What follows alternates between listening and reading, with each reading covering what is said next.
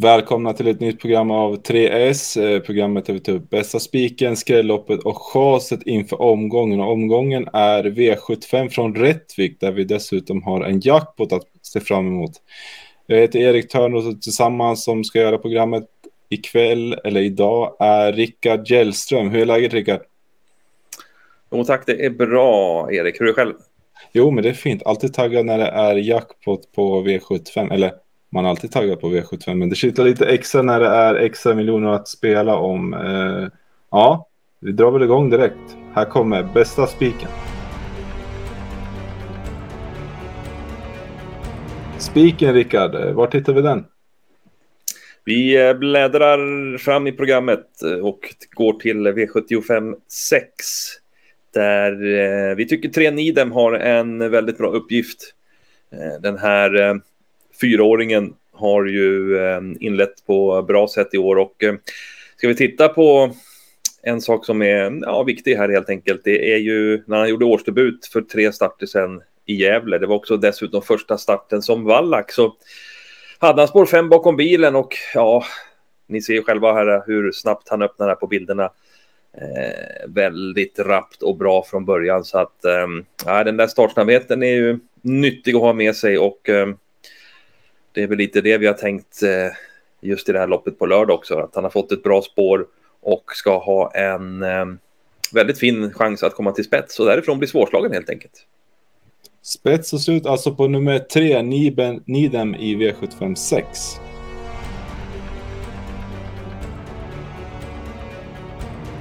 Spiken avklarad. Eh, vart ska vi hitta skrällarna, Rickard? Ja, det finns ju några lopp att välja på, men vi har plockat ut V75 7 som eh, skrädloppet den här veckan. Vilka är det vi är vana för där då? Ja, eh, det finns ju några skrällar att välja på här såklart. Eh, bland annat därför att eh, tre Casto de Star har blivit rätt klar favorit och eh, tillsammans med två eller Boko och två hårt betrodda hästar i loppet. Eh, men vi tror det kan bli rätt bra tempo på loppet här. Vi har ju också tre Versace Face där som är en stark häst som gillar att mala på i hårt tempo här och ja, därför tror jag att det kan komma någon häst bakifrån och kanske överraska. Till exempel nummer 10, One Kind of Art, som ju har sett eh, väldigt fin ut här i två starter nu och var ute så sent som i lördags i ett V75-lopp på Hagmyren där vi ser på bilderna här när han kommer in på upploppet som tvåa i andra spår och eh, får ju fritt sista biten där skjutit till riktigt bra bakom Laredo Boko som vann där. Nej, det är fint formintryck på One Kind of Art för dagen och eh, det är också en häst som skulle vara eh, tempogynnad som man säger.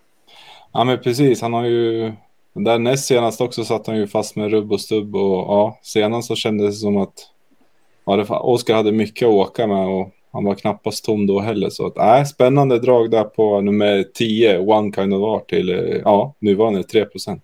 Mm, lovade ju dessutom, eller lovade, men sa dessutom att vi skulle ha en till här eh, som vi plockar fram en skräll och det är ju i samma lopp då såklart. Nummer 12, Donizetti som har sett, eh, ja, som sett sist på Axvalla såg riktigt fin ut eh, vid en eh, mycket bra avslutning. Det gick ju väldigt fort till slut där över upploppet där Karat River vann och Eh, han travade bra, såg fin ut och så. Nu är det första Carl-Johan Jeppsson upp också, så det är lite småspännande. Men det är klart, eh, man behöver ju lite flyt med att det blir hårt tempo på loppet och att man kommer in i loppet från, de, från ett sånt där läge. Men procenten är ju så pass låg så att det gör eh, även Donizetti intressant i det här loppet. Mm.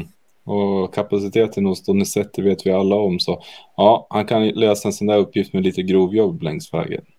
Eh, ja, skrälloppet V757 och där varnar vi för nummer 10, One Kind of Art och nummer 12, Donizetti.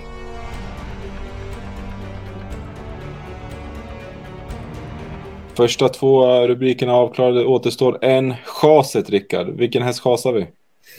Mm, det var ju kanske inte helt lätt att plocka ut eh, chas den här veckan, men vi har eh, gjort det i V751. Det är eh, fyra farfars Dream som inte kom med på vårt V75-system och när han då är eh, tredjehandare när vi spelar in det här och eh, han är rankad ytterligare något hack ner där på våran ranking så får det bli fyra farfars dream som eh, Chasas. Ah, det är inte för att han är någon dålig häst på något vis. Han har gjort två bra lopp här nu på V75 i rad och var ju nära att vinna i sin senaste start på Axevalla som vi ser här när han kommer in på upploppet i tredje spår med eh, André Eklund där som ju har en vit dress. Eh, kopplar i greppet sen 100 kvar där, men eh, kunde inte stå emot Johan Hills sista biten. Men eh, det är inget fel på insatserna på, på den och, eh, och så. Men det är ändå ja, lite upp här motståndsmässigt. Det finns eh, flera riktigt bra hästar i det här loppet, bland annat då eh, Melby Imperial, HC's Crazy Horse och Greensboro Set till exempel som ju är ja, riktigt bra hästar och mm, bättre än de man mötte sist. Eh, farfars stream där då. Sen har han dessutom ett fjärde spår att brottas med här i starten så att eh, eh nej, det blir ju chas då helt enkelt på eh, fyra farfars stream här i V75 1. Härligt. Eh, en liten sammanfattning. Spiken hittar vi i V756. Där eh, singlar vi nummer tre Niden som vi läser spets och slut. Eh, skrälloppet är V757. Där varnar vi lite extra för nummer 10 One Kind of Art och nummer 12 Donizetti.